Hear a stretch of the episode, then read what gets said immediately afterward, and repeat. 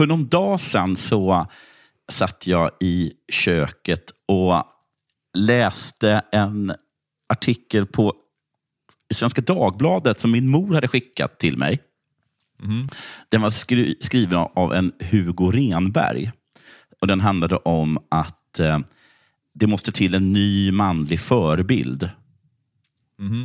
Att, eh, att han, hans barn till exempel hade tydligen då snöat in på Andrew Tate och Ja, ja. har börjat kalla liksom sin egen far då för massa nedlåtande saker som eh, beta-mail och, eh, och, och, och sådana saker.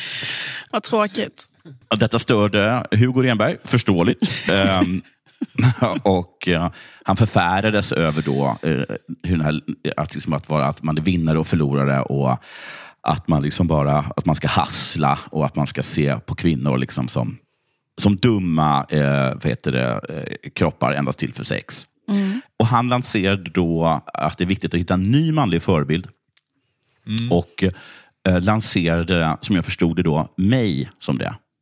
Oj! Jaha, Oj, okej. Mm. Mm, jag sitter alltså i köket då och, min, eh, och begrundar detta. då. Och Sen så kommer min flickvän in.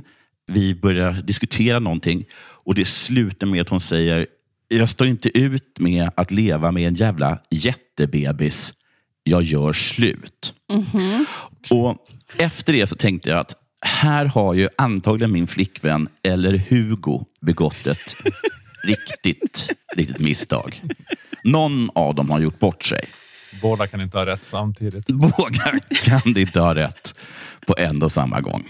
Man kan inte vara den ultimata nya manliga förebilden och vara en jättebebis en, eh, en, vad heter det, en stark kvinna helt enkelt inte kan tänka sig att vara ihop med. Eh, vi är ihop nu igen vill jag bara säga. Så att, eh, så- ja, men det tycker inte jag. Det får inte mig tillbaka till att vara den nya manliga förebilden. Och därför så kommer dagens fråga faktiskt just från min flickvän. Hon frågade mig, vilken är min manliga förebild?